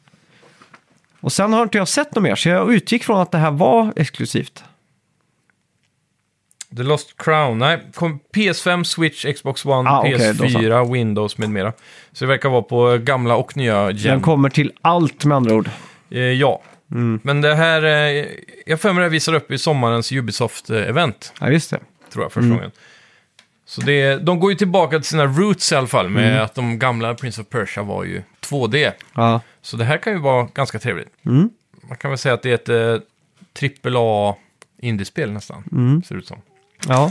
Hur man ska beskriva det. Sen fick vi en eh, Shadow Drop Mm. i form av Horizon Chase 2. Ja, precis. Har du sett, eh, eller har du spelat ettan? Eh, jag har inte spelat det, men jag har sett mycket Ja, jag, om det. jag har sett att det dyker upp på storefronten ganska ofta på Playstation. Men jag, jag har inte testat. Jag har för Mm. Men mig att det- det kanske var plusspel en gång också. Hypersnabbt eh, ark- arkad-racing. Mm. Påminner väl mycket om eh, supergamla bilspel där du, där du bara ser att vägen svänger framför dig Ja, hela tiden, exakt. och så följer man med liksom. Måste ha knivskarpa Mm. reaktioner här. Mycket trafik. Ja, Trevligt. Eh, Shadow Drops är alltid välkomnat. Ja. Super Crazy Rhythm Castle från eh, Konami. Fyra player co-op i både multiplayer online och offline. mm, så det här spelet. Eh, ja, jag kommer fan inte ihåg vad det är för något bara. Det är men så det är lite massa så- minigames va? Ja, man såg snett ovanifrån och så sprang man runt fyra personer då. Mm. Och så ska man göra rytmbaserade pussel ihop, eller tävla då. Just det. Det kan vara att man ska skjuta ner noter från luften eller Mm. hoppa på knappar som liknar Guitar Hero liksom i, Ah, och få poäng då. det. Eh, och det kan spelas, som sagt, i soffan eller online, så det verkar sjukt kul. Ja, faktiskt. Eh, mycket av musiken i det här, de här spelen ska ju vara från Konamis spel då. Just det, de visade ju upp det kunde vara Metal Gear och Ja, vad var det mer? Classic Castlevania, Castlevania. ja. Precis. Ja, det är coolt. Måste jag säga. ja. Eh, bi- lite billigt dock. Ingen licensierad vanlig musik. Liksom. Nej, Det är så här. det är klart. Men, eh, men jag gillar ändå Japan. Det här är ju sånt som man förväntar sig att se i en sån här udda arkadhall mitt i Yokohama, eller vad fan det heter. Yok- Ika Akihabara. Mm. Ja, ja, ja. Så eh, de lyckas ändå f- fortsätta göra de här spelen fast det känns som att det inte är storsäljare. Nej. Det måste ju sälja jävligt bra i Japan då. Ja, eller så är kostnaden inte så hög. Nej, det är klart. Men Men det kanske är så här, de går De vinst inte om de säljer mycket. 200 000 exemplar. Ja, exakt. runt, liksom. Ja, coolt. Ja. Princess Peach Showtime Ja. fick äntligen ett namn nu. Ja. Förra gången så var, det bara så här Princess Peach Game. ja, Princess Peach is coming out on a new adventure eller något sånt där sa de. Ja. Så det här kommer 22 mars Mm. och det är då eh, ett spel där du i huvudsak, eller du är då för första gången bara Princess Peach som får sin eget Ja. spel. Jag tror det är första gången i alla fall. Ja, Men eh, första gången på väldigt länge om inte annat. Mm. Hon, henne, det här är en liten sån här Kirby-grej. Hon kan eh, transforma sin eh, klädsel då, till att bli, eh, få olika powers. Mm. Ja, just det. Basically. Eh, man startar med sin rosett som eh, kan flyga med lite som Marios hatt i Odyssey. Mm. Hon kan, eh, det ser ut som den kan kommunicera, jag tror den har ögon Mm. och allting. Så den är, gör dina grundattacker och sen så då får du power-ups. Och det här utspelar sig på en teater. Det där av Showtime. Mm. ja Och, exakt. och det verkar som att varje ny så teaterpjäs är en ny level och då blir Mm. konceptet helt annorlunda. Och, men till skillnad från andra liknande spel så är det inte bara combaten eller movesetset som ändras lite. Mm. Utan det verkar som att även hela gameplay-loopen förändras. Ja, Så att ena kan du vara action platformer och sen kan du vara detektiv och behöva hitta Mm. eh, gåtor. Eller clues, vad heter det? ja exakt. Ja, jag tror folk fattar. Så man ser bara en massa clues hela tiden som... Ja, du får göra en Batman-grej liksom, eller Sherlock Holmes. Och så, Tyckte ja, det såg så- jävligt uh, fräscht ut faktiskt. Ja, men det gjorde det. Eh, den här, Bra artstyle. ja, Den här artstyle. Teatergrejen. Och eh, just att det verkar vara en jävla variation. Allt Mm. från bagare till ja, detektiv och kung fu. Och... Ja, Det såg ut som att gameplayen när man s- sparkade och kicks och sådär. Att det såg jävligt genomarbetat ut. Att det Mm. Ja. var liksom inte bara någonting de hade... Ah, nu får hon sparka lite. Men det var liksom en tryck i grejen. Att Animationerna på henne var liksom att... De där instant-kickarna Ja. som blir liksom... får mig tillbaka till barndomsminnen när man spelar Kung Fu på NES. Ja. Väldigt stabilt. Tomb Raider 1, 2, 3 Remaster. Mm. Med uppdaterad grafik som man då kan toggla sådär coolt emellan. Älskar när de gör så. Ja. Eh, 14 februari nästa år. Ja, det här tror jag faktiskt kommer bli en sleeper hit, för jag tror det är sjukt många i vår generation som tänker jävlar vad länge sedan det var jag spelade original Tomb Raider. Mm. Spelen suger ju. Om, de har kanske uppdaterat gameplayen en del av uh, tank control. Ja, Men eh, det, alltså idag, i dagens aspekt, man kan inte säga annat än att de suger. jag har ju onda minnen av eh, Tomb Raider Anniversary som var det fjärde spelet. Ja, just det. Ja, nej, men jag, jag tror ändå väldigt många kommer eh, prova det här för att de har så mycket nostalgi till de här titlarna. Mm. Ja, exakt. Sen blev jag väldigt glad när vi kom till kvällens andra Shadow Drop. Mm. Och det var ju då att Trombone Champ kommer.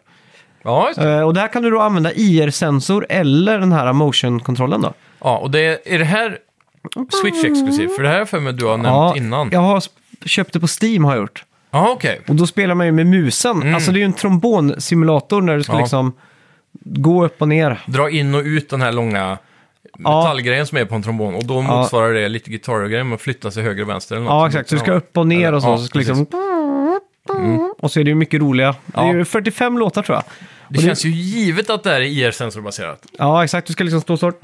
Ja, så jag antar att den måste mäta avstånd till ansiktet eller något då? Eller? Nej, du håller handen framför. Jaha, ja, så det är ännu liksom. smartare. Ja. Ja. Så får du ju lite den där... Ja, precis. Då känns det äkta typ. Eh, ja, exakt. Det enda som saknas är att det är en mick på, på, på den här också, så man blåser i.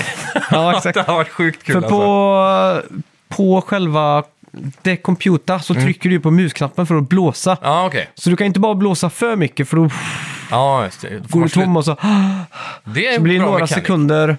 Andning, ja. Ja, exakt. Det är en jävligt bra mekanik. Och så fyra player co-op, där är ju, kan ju bli hur kul som helst verkligen. Mm. Ja, verkligen. Tänk att sitta alla står där med och vifta Ja, med exakt. händerna liksom. Det är just att det är, det är så mikroprecision innan det låter surt verkligen. Ja. Till och med om du kollar på YouTube, Trombone Champ, och så tar du någon låt och så expert. Ja, När det, och då förväntar man sig att det ska vara helt fläckfritt liksom, Mm. men så är det bara, nej. Det låter ändå fortfarande lite spökigt i förgasaren liksom. Det här kommer man ju testa. Ja, helt sjukt kul. Ja. Sen fick vi också Luigi's Mansion 2 HD. Ja, Eh, Alltså då 3DS-spelet då. Det är Mm. lite udda kommer jag ihåg när det annonserades att just tvåan skulle bli 3DS-exklusivt ja, just det. istället. Men eh, nu får vi det uppdaterat och online-funktion funktioner då med fyra player. Mm. Kommer sommaren 2024. Ja, Skitnice ju. Eh, jag kan tänka mig att det är en del eh, Nintendo-konsolspelare som har missat det här. Mm. Ändå. Och det såg faktiskt rätt snyggt ut. Det såg ju inte Luigi's Mansion 3 snyggt ut, det gjorde det inte. Nej, det gjorde det inte. Men eh, det är helt klart dugligt alltså. Eh, ja, eh, uppgradering på, eller en uppdatering på Nintendo Museum. Mm. Ja. Så nu är det bara att vi bokar in en tur. Och så får ni Patreons gå in och steppa upp lite tycker jag. alltså vi Vi kan har nu- flyga till Tokyo. vi har nu höjt den lägsta tiern som nu är 10 kronor. Den har vi höjt till eh, 10 000. Precis. Ja, exakt. Så, Automatiskt också ska sägas. Automatiskt, så ja, Så bör sägas. det, det, kommer bara uppdateras för Ja. er också. Nej. Vi är supersnälla för, eller tacksamma för alla Ja. ni snälla Patreons där ute. Eh, Men eh, det här ser ju skitfett ut. Mm. Jag vet ju att eh, länge har det funnits ett så hemligt museum på Nintendo, jag tror det är Nintendo of America dock, Mm. som bara är tillgängligt för employees.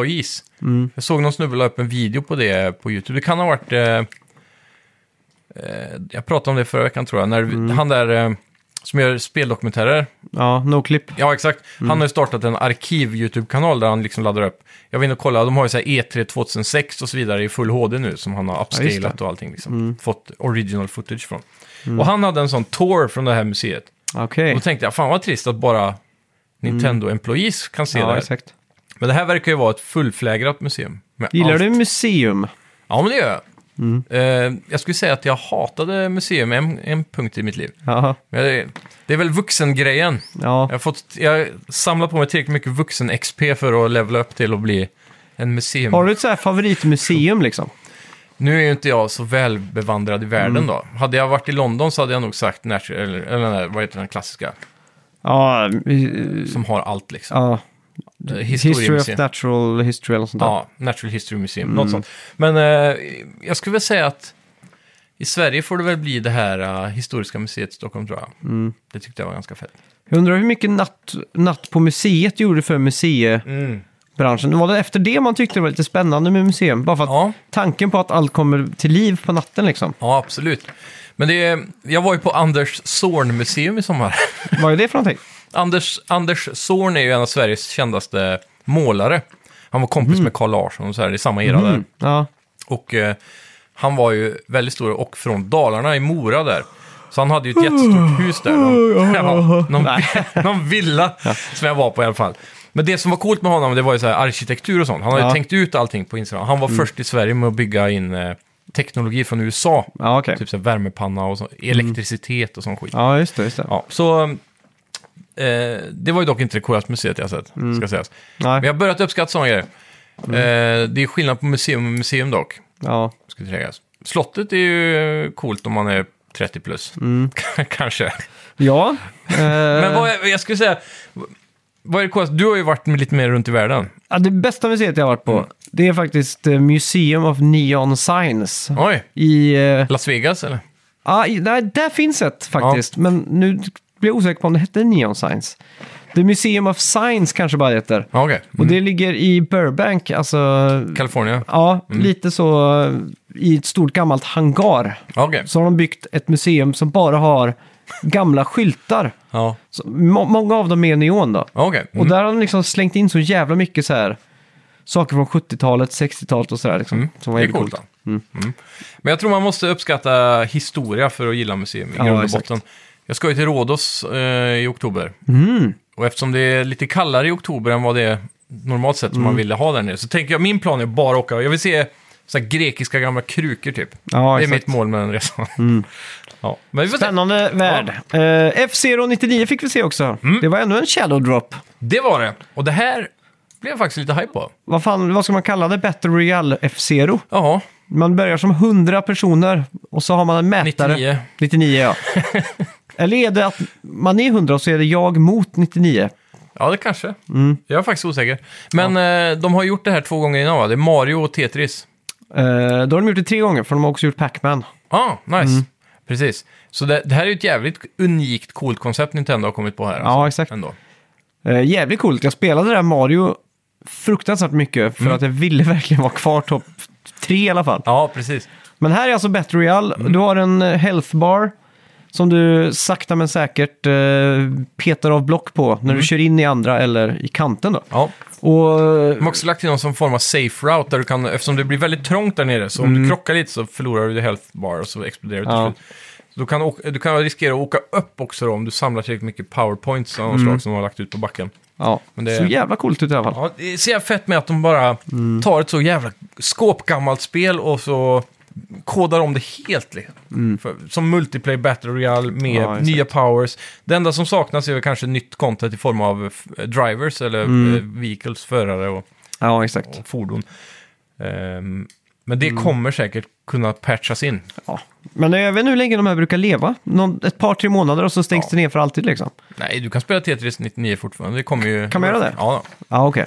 Alla de är ju en del av Nintendos eh, subscription service. Så du måste ju Mm. ha Nintendo online heter det väl. Ja, just det. Eh, Den billigaste tieren tror jag, för att få tillgång till de här 99 spelen. Mm. Ja, okej, okej. Mm.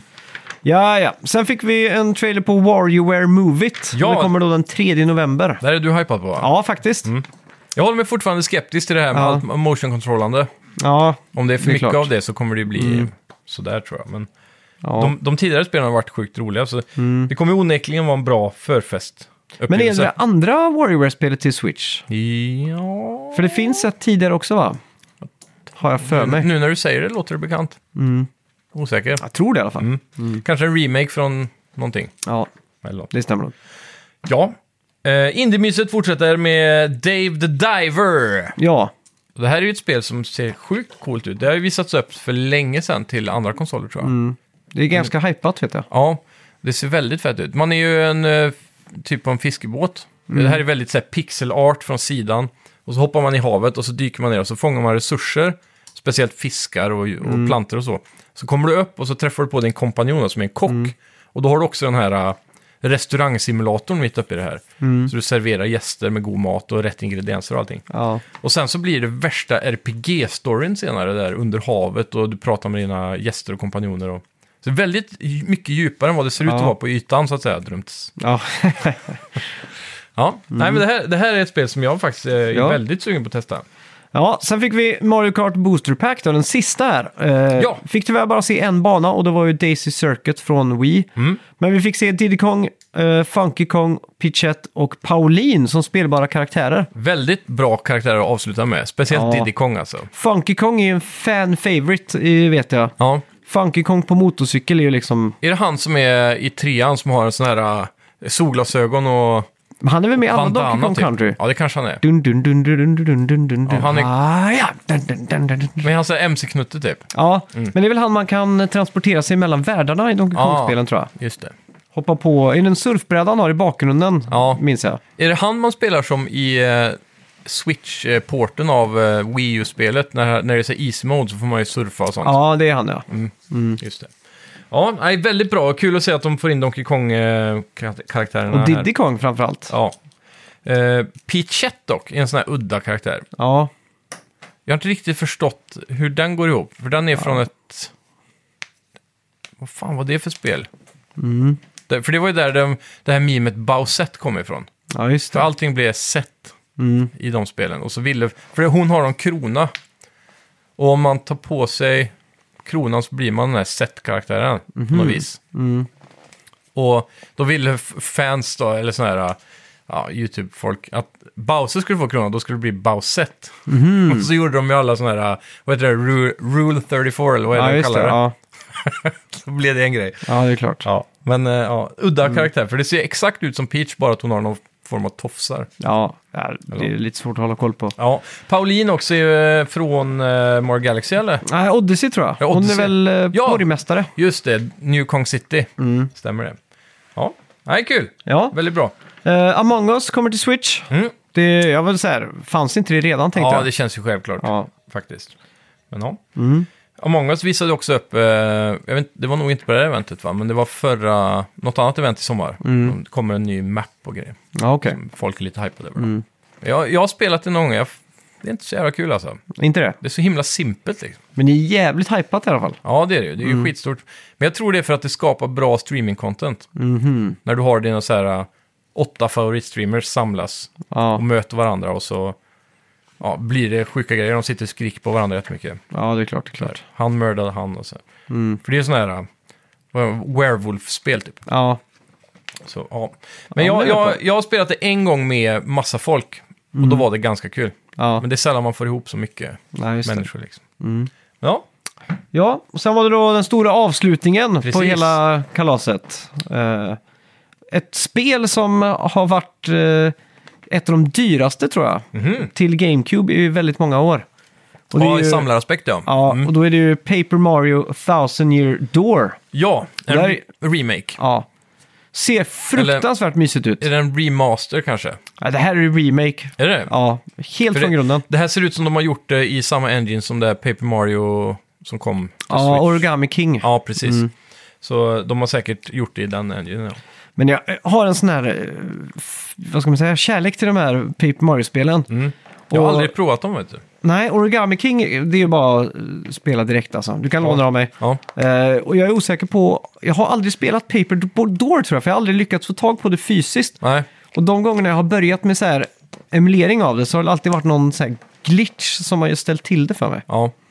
ja det är, jag har inte riktigt fattat grejen. Är det, är, det, är det lite mer som Mario RPG eller?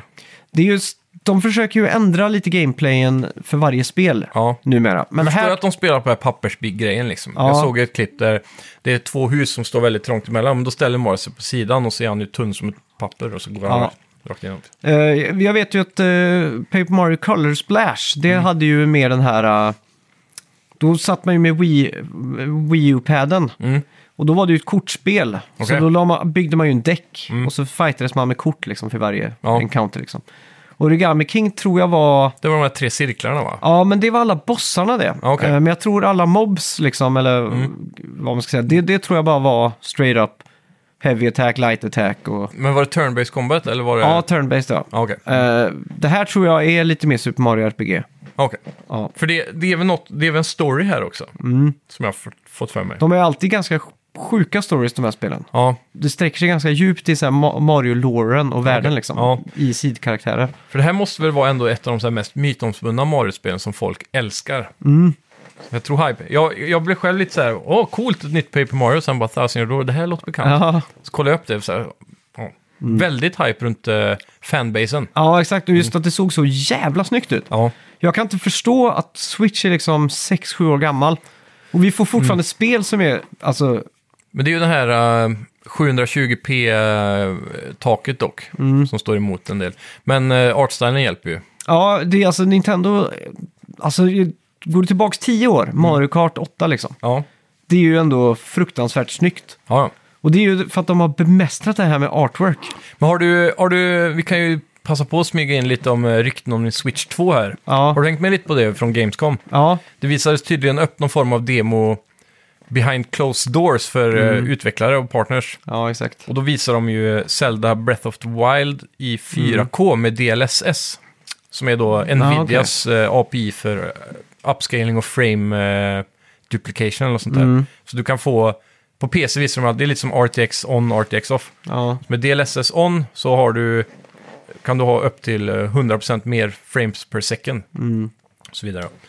Så det verkar ju väldigt lovande. Mm. Och det verkar också som att det Men- ligger fokus på att det ska vara backwards compatibility här. Jag är ändå lite besviken över att inte Switch 2, alltså att de inte har lagt ribban högre så att de är med och tävlar med PS5 och Xbox Ja. Series X. Det känns som att de har lagt sig i en bekväm position där de alltid ligger ett steg bakom. Jag vet, men nu har de ändå sålt så pass mycket Mm. och har så mycket pengar på banken att Ja. de har råd att vara med och konkurrera där uppe på toppen. Ja, men jag tror de känner att de har hittat... Ja, Jo. Nu ska man inte skri- rita något sant, för Nintendo är allt, de hittar alltid på något nytt. Mm. Men Switch 2 tror jag kommer vara väldigt familjär. Ja, Jag tror jo, det jo. kommer vara sjukt likt Switch 1 för en gångs skull. Med tanke på att de inte har någon bärbar marknad. Ja, Om inte det blir så att Nintendo Switch, blir nya 3DSen eller? 3DS ja, Mm. medans, och sen har de då alltså en, eh, en ny stationär konsol. Ja. Men det är väldigt svårt att se alltså. Ja, eftersom alla rykten fortfarande pekar på att de ska gå för Nvidias Tegra-chip då. De har ju Tegra Mm. 1 nu och det verkar som att de kommer ha Tegra 2 i nästa. Men fan vad den Tegra-chippet står sig ändå. Ja, den är också ARM-baserad tror jag. Mm. Men det är så, det är så nice, så, så här, man sitter och spelar Pikmin 4 hemma och man Mm. tycker det är snyggt liksom. Ja, ja. Det trodde jag inte jag skulle göra när jag spelade Breath of the Wild första gången. Visserligen ett snyggt spel, Mm. Men det, det kändes ju som att det hackade sig fram liksom. Ja, men jag vet, Tegra... Det, Switch kom ju 2017 Mm. och jag har för mig Tegra-chippet är redan från 2014. Mm. Det de använder. För jag har för mig att Tegra 2 kom ut 2017-18 där på Och så ska de använda sig av. Tegra 2 nu? Ja, men det är nog en, en senare variant av Tegra 2. Och ska jag använda sig av Tegra 3, 5 4. typ? Ja, men jag vet Ja. inte hur många Tegra de har utvecklat. Nej. Men det är i alla fall eh, det som verkar vara s i rockärmen här. Mm. Är då att Nvidia har fullt stöd i det här nya chippet för DLSS då. Som. Mm. är en väldigt stor grej på PC just nu. Som är sjukt viktig för Ja, fan vad mäktigt. prestanda. Mäktigt ja. Ja. Men äh, jävligt solid ja direkt det, tycker jag. Mycket bra grejer liksom. det är det, men det är ju liksom inga... Jag vet inte, det är ju inte, Super Mario Odyssey 2, det är Nej, inte Breath of the Wild 3, det är inte... men det är ändå mer än vad jag förväntade mig när jag startade upp den. äh, Ja, absolut. Men det känns som en sån här mellandirekt. Ja, men jag trodde ju så här, aha, kommer vi bara få fokus på vil- vilket spel är det de har i höst liksom? Eller nu? Ja, det, det är väl inget de visar upp den här gången tror jag. Nej. Men jag trodde det skulle vara en sån där direkt när de bara fokuserar på ett spel liksom. Ja, Så på, ur den aspekten så satt jag ju bara och var så här, wow, fan fett liksom, wow. absolut. Det var ju mycket mysiga announcements här, Ja, får man ändå säga. Så här, åtta av tio announcements. ja, kanske. ja, ja helt klart, helt klart. Eh, Så ja, det är fett. Eh, jag tror det är Super Mario Wonder som du tänker på. Ja. Det är väl det stora spelet i höst. exakt. Eh, så, och, och Detective Pikachu kanske, om inte det kommer till våren. Osäker. Men ja, det är... De fortsätter att visa att det är värt att investera i Switch fortfarande, trots att eh, t- Switch 2 då ligger på horisonten. Ja. Så det, det är gött att se att de har mycket content i pipeline.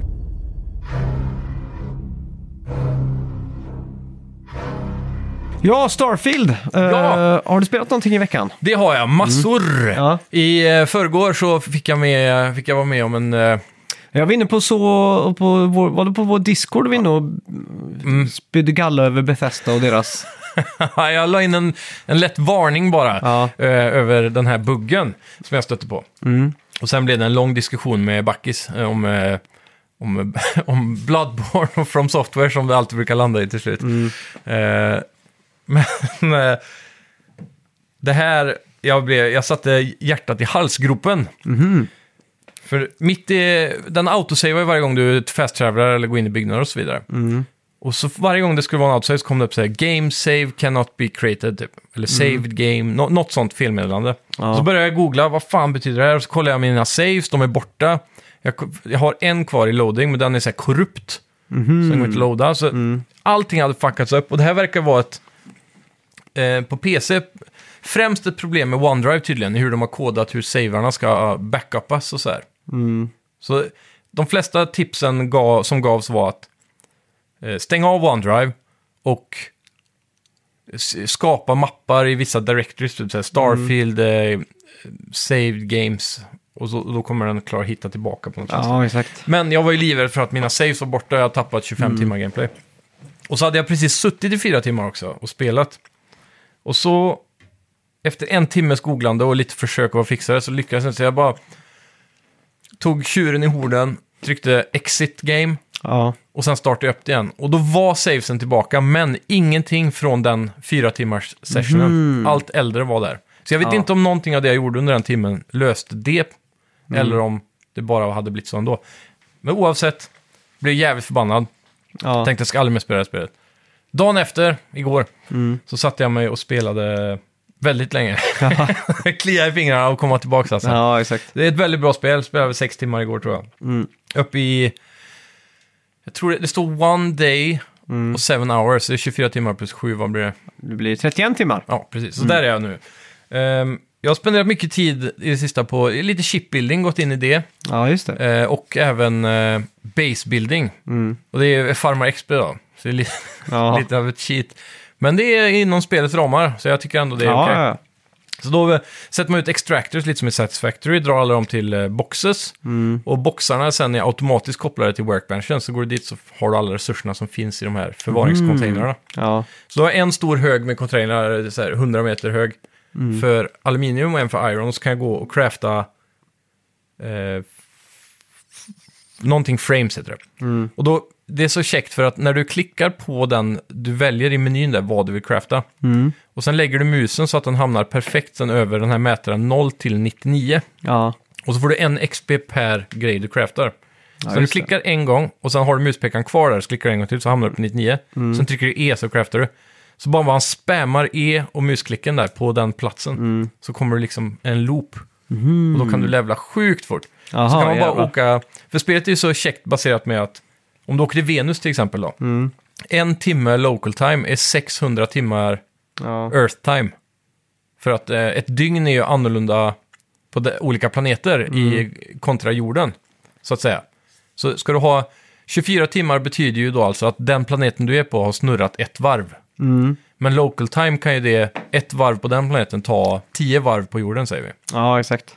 Så att då kan du åka till Venus och wait, eh, som i Skyrim, du kan ju waita så här, upp till 24 timmar. Ja, och då har det gått tio varv på jorden liksom. Ja, precis. Så om jag waitar 6 timmar så får jag 600 timmar på Venus. Mhm. Så då väntar jag 24 timmar för 2400 timmar wait Jaha, time. jävlar. Så är det som att du sover i veckor.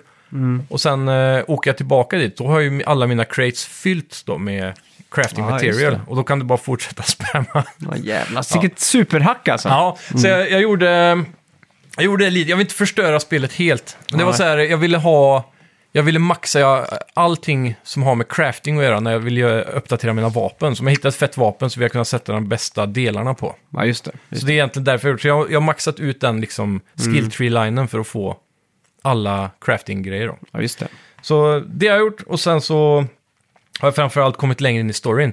Och du kommer till en punkt där, jag vet många har nämnt det och det är därför jag vill eh, återkomma lite till Starfield. För att de, jag har sett många reviewers säga att det är ett slow burn i början, men det är också för att det är så himla öppet och odirekt vad det är som är fokus här. Vad är main storyn, vad ska man göra?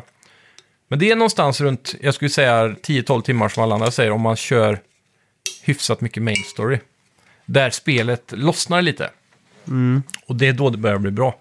Speciellt Okej. story-wise. Och vad är det som händer då i storyn? Jag vet, inte, jag vet inte, det är en spoiler alltså. Ja, Det är men en, då, då får ni ju st- studsa fram eh, Ja. tre minuter då. Eller om eh, vi säger så att eh, från och med nu är det lite Starfield spoilcast, i alla fall eh, de första Ja, 20-30 timmarna. Då. Ska vi säga så? Mm. ja, Så ja. får vi tacka alla som eh, fortfarande inte har kommit så långt i Starfield. ja. Vi har lite bets och sånt på slutet där, men Ja. inte hela vägen. Nej, hela precis. vägen.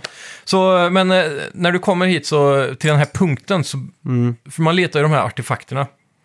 Och efter att ha hittat tillräckligt många av dem, så dyker det upp ett främmande rymdskepp i rymden. Mm. Som hailar dig och säger att eh, ge oss artefakten som du precis har hämtat. Mm. Den är inte till för dig och eh, vi har... Och då, vi vill ha så här kontakt tillbaka med dem. De säger att vi vill inte ha till, eh, för mycket kontakt med er. Det är en anledning att vi håller oss långt borta och att ni ska inte få eh, möjligheten att ta er djupare in i universum och sådär. Och de här kallar sig för Starborn. Mm. Och skeppet är väldigt så här, högteknologiskt. Ser mer ut som Star Wars jämfört med NASA-punk som allt anning, allting annat har. Ja, exakt. Ser väldigt så här, sleek lines och så. Och, och då, då är den här potentiellt alien race, då börjar den här långa debatten sen med är det aliens eller är det humans som har lyckats att ta sig längre in i universum i, i expansionen och sen dyker upp efter hundra år eller någonting Mm. och har gjort en stor leap i utvecklingen och teknologi och så vidare. Ja, exakt. Så då börjar den här spänningen lite som vi har nu med amerikanska eh, regeringen och Mexiko där de visade upp en alien här för några vecka sedan. Eller potentiellt. då. Påstådd ja, precis. alien. Ja, precis. Ser ut som en mumie typ. Ja. Men eh, hela, hela den debatten vi nästan har i verkligheten nu, att så här, är det aliens, är det humans eller är det ingenting? Men de här då, man vet ju inte. Så det, det sätter en sån jävla spänning på storyn och man måste fortsätta hanta de här artefakterna. Men då börjar de här dyka upp hela tiden. Du, du möter Starborns i, eh, även på planeter nu, som du skjuter ihjäl. Och, och de kan cloaka sig så de är helt osynliga. Och när du dödar dem så exploderar de bara upp i ljus. Då är så de här inte human med andra ord. För Ja, det, det- det gör ju inte människor. Nej, precis. Men om det inte är någon teknologi som gör att de teleportas bort, eller vem vet. Så det är någonting så att du får inga traces kvar av dem. Nej. Men också, en liten bit in i storyn, så kommer den här stora vändningen i gameplay-loopen att du får superpowers. Precis som i Skyrim så är det ju en Dragonborn. Ja. Och då lär man sig det klassiska Fussroda! Och så blåser man iväg alla fiender med Ja, exakt. physics. Och, och du får massa sådana powers i det här spelet också. Mm. Och det här är ganska tidigt egentligen om man pushar main storyn. Har du fått... eh, Nej. Nej. Så då börjar man åka, istället för att hämta en artefakt så kommer du till ett tempel. Mm. Så du bara reser dit, går till templet, går in i templet, gör ett snabbt, det är inte ens ett pussel, men det är väldigt simpelt, alla är likadana. Mm. Och så får du en sån uh, Fussroda power typ, och det är olika grejer. Ja, just det. Så eh, det låser ju också upp mer eh, nöje i spelet då. Du kan ju, du har ju typ en sån här Fussroda-aktig och så har du något där du, anti-gravity, där en stor cirkel runt finerna bara får alla att flyta upp i luften och så här. Jag tror de har visat det i gameplay-videos. Eh, eh, i marknadsföringen. Men jag hade helt glömt bort det, så jag blev lite så här, wow, Ja, exakt. fett. Men det är just när, när du kommer till den punkten där Starborn visar sig, då får storyn en helt ny liksom, edge. Ja, exakt. och så. Det blir mycket fetare då. Och eh, ja, sen har jag även romansat eh, Sarah, eller vad hon heter. Jaha. Lång jävla story quest för det, men det är också Ja. jävligt coolt. Jag börjar märka att sidequesten är sjukt välskrivna alltså. Mm. Så jag blir lätt eh, ivägdragen på en sån tangent från Ja, main exakt. Mm. storyn hela tiden. Eh, och det förgyller spelet mycket alltså. Ja. Så man fick gå tillbaka till hennes backstory och, och, och återbesöka Mm. något hemskt som hon har upplevt och hittar massa häftiga saker där. Ja, Just det. så Fan mysigt, jag ska spela Starfield hela kvällen tror jag. Ja, jag, jag vill inte säga för mycket, men Nej. det är ett spel som bara växer och växer på mig. Speciellt med då aspekten av basebuilding och chipbuilding Mm. och när man verkligen kommer in i alla de här småbitarna som gör helheten. Ja, Så exakt. man kan så lätt fastna i det. Jag, kunde, jag satt ju flera timmar i bara basebuilding. Och så bara, ja just det, man kanske ska questa, för då började jag tröttna lite på det. Ja, Så exakt. tänkte jag så här, fan jag kanske ska stänga av spelet. Ja, men jag kör ett quest. Och så blir jag Mm. helt fast i det, för det är en helt annan gameplay-loop. Helt plötsligt. Och så här, ja. Jag vet inte. Jag är, jag är fascinerad av spelet, jag tycker det är skitbra. Ja. Jag tror det kommer leva länge med mods och eh, DLCs fortfarande. Jag, tror, jag tycker de har lyckats. Det, den största negativa kritiken fortfarande, även 30 timmar in, det är väl det konstanta fast-travelandet ja. som blir. Men å Att andra det är sidan... segt menar du? Ja, men det är lite så här väldigt mycket menyklickande liksom. Ja. Hit och dit. Um, å andra sidan hade jag inte uppskattat om det var så här hardcore, att du måste gå till skeppet, sätta dig i cockpiten, flyga ut, flyga till nästa planet och så här. Ja, det hade varit ännu jobbigare. Så som mission structuren gjorde i alla fall. Ja, exakt. Men ibland önskar jag att man bara kunde ringa tillbaka till... eh, Det är ofta så här, du får ett mission i The Lodge. Så drar du ut, eh, fast till en planet, landar där, gör missionet. Fast tillbaks till The Lodge, pratar med snubben. Och så får du ett nytt mission och så håller det på så. Ja. Ibland, ibland så i kontext av storyn så behöver man inte åka tillbaka. Det är direkt att ringa och bara så ja nu är det här gjort, XP, boom. Eller bara öppna upp en iPad och trycka på complete liksom. Ja, eller? precis. Så det- man hade inte nödvändigtvis behövt att travla varje gång. Nej. Det är väl det enda stora negativa jag Ja. hittat hittills. Ja, shit alltså. Mm. Eh, ska vi gå in på, på veckans bett? Det gör vi.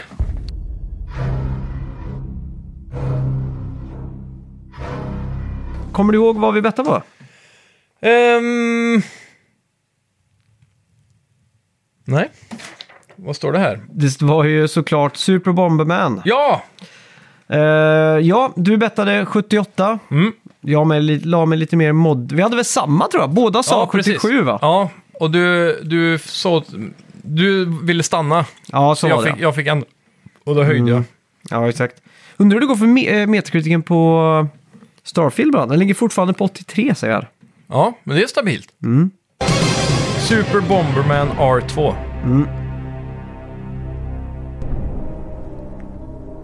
Där har jag den. Snyggt. Okej, är du redo? Det är jag. Metacritic-scoren för Super Bomberman R2 ligger just nu på 70! Oh, yes! Rätt in i boxen här. Ja, det, det, det känns själv- självklart nu i Ja. eftertanken. Då har vi... eh, Är det, är, det, är det den mest ohypade gamla spels-IPet någonsin? Mm. Just nu. Men du, nu kom jag på det här. Det var ju dubbla poäng idag. Vi bettade ju också på Lies of P förra veckan. Ah, Men jag kommer inte ihåg vad vi bettade på. det gör inte jag heller. Eh, Lies of P släpptes för övrigt idag. För alla er som Ja. har Game Pass så är det gratis. Exakt. Så det kan, är ett tips. Det verkar Mm. ha fått starka betyg. Jag tror det ligger runt och skvalpar runt eh, 80, strax över 80 plus, lite som Starfield. Ja, exakt. Ska vi se också vad vi bettade på det där? För jag, Ja. jag minns alltså inte vad vi, vad vi bettade på.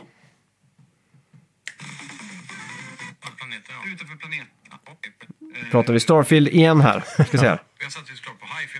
Okej. Bomberman R2. Nu ska vi se. Samma diskussion. Ja, fan. Där också. Det gör vi. Så har vi då eventuellt där. Ja. Nu blir det rakt från hjärnan. Ja. Nu. Två, ett, Oh! 84 båda två där. Ja. Jag tänkte säga Va? 78 igen för att det känns som att det här kommer bli... 84? Mm. Och Då stämmer inte 78-77. Jo, men det var 78-77. Nytt, eh, Efter Elden Ring ett år sedan. Det är bara att jag glömt Sten, uppdatera. sax, påse nu vem som får höja eller sänka. Sten, sax... Ah, vänta. Ett, två, tre. Sten, sax, påse! Sten, sax, påse! Du vann. Vad vill du göra? Fan vad dryga jag är då. Det kan gå vikt som det är. Jag ligger kvar. Jag ligger kvar på mina 84 tror jag. Okej, så får du eh, höja eller sänka. Ja. Då eh, tar jag och... Shit alltså, 84 är perfekt. Mm. Så middle ground mellan en sjua och ett bra spel. Det är helt perfekt. Jag tror jag går ner till 83. Okej. Okej, du går ner till 83. Du ligger på 84. Ja, och exakt. poängen var 70. Ja, poängen har vi inte sett än. Det ska Ah, vi kolla är det. Lies of P det där? Ja, vi kollar ju Ja, just Super det. Bomberman. Just det. Lies of P. Oh! Ja, då har du vunnit den också. Ja, tror du verkligen det? För den ligger just nu på 81. Ja. Så det är ett poäng var då i... eh, Men fick inte du två poäng? Nej, ett poäng. Ja, fick jag två för att jag prickade precis 77? Nej, jag, nu minns jag ingenting här. Jag, jag har för mig att vi hade två bets den här veckan. Ja, Super Bomberman och Lies of P. Ja, Ja, vi hade bara glömt att skriva in Lies of P okej. där, så att... Så vad var Bomberman? Var det 77 exakt? eh, nu blir jag osäker där, nu får vi kolla. För då har du ju tre poäng i så fall. Ja, men du vann ju Lies of P. Gjorde jag det? Ja, Vad sa jag då? 83? Ja och ja, jag just sa det. 84. Och Poängen var 80... Ja, exakt. Och Super Bomberman har hade 70. Ja, okej. Ja, men då är det 1-1 då. Ja, 1-1. Så då blir till det mig. 4-3 till dig då. Ja. eh, snyggt. nästa vecka, eller tills nästa vecka, så har vi ju Payday 3 från svenska Starbreeze. Mm. Eh, ska vi gissa på en Metacritic-score där kanske? Ja, det gör vi. Har du spelat Payday 2? Nej, det har jag inte. Det här är ett spel som jag tror skulle kunna bli lite så halvstort på Steam även om det får dåligt betyg. Jag är redo i alla fall.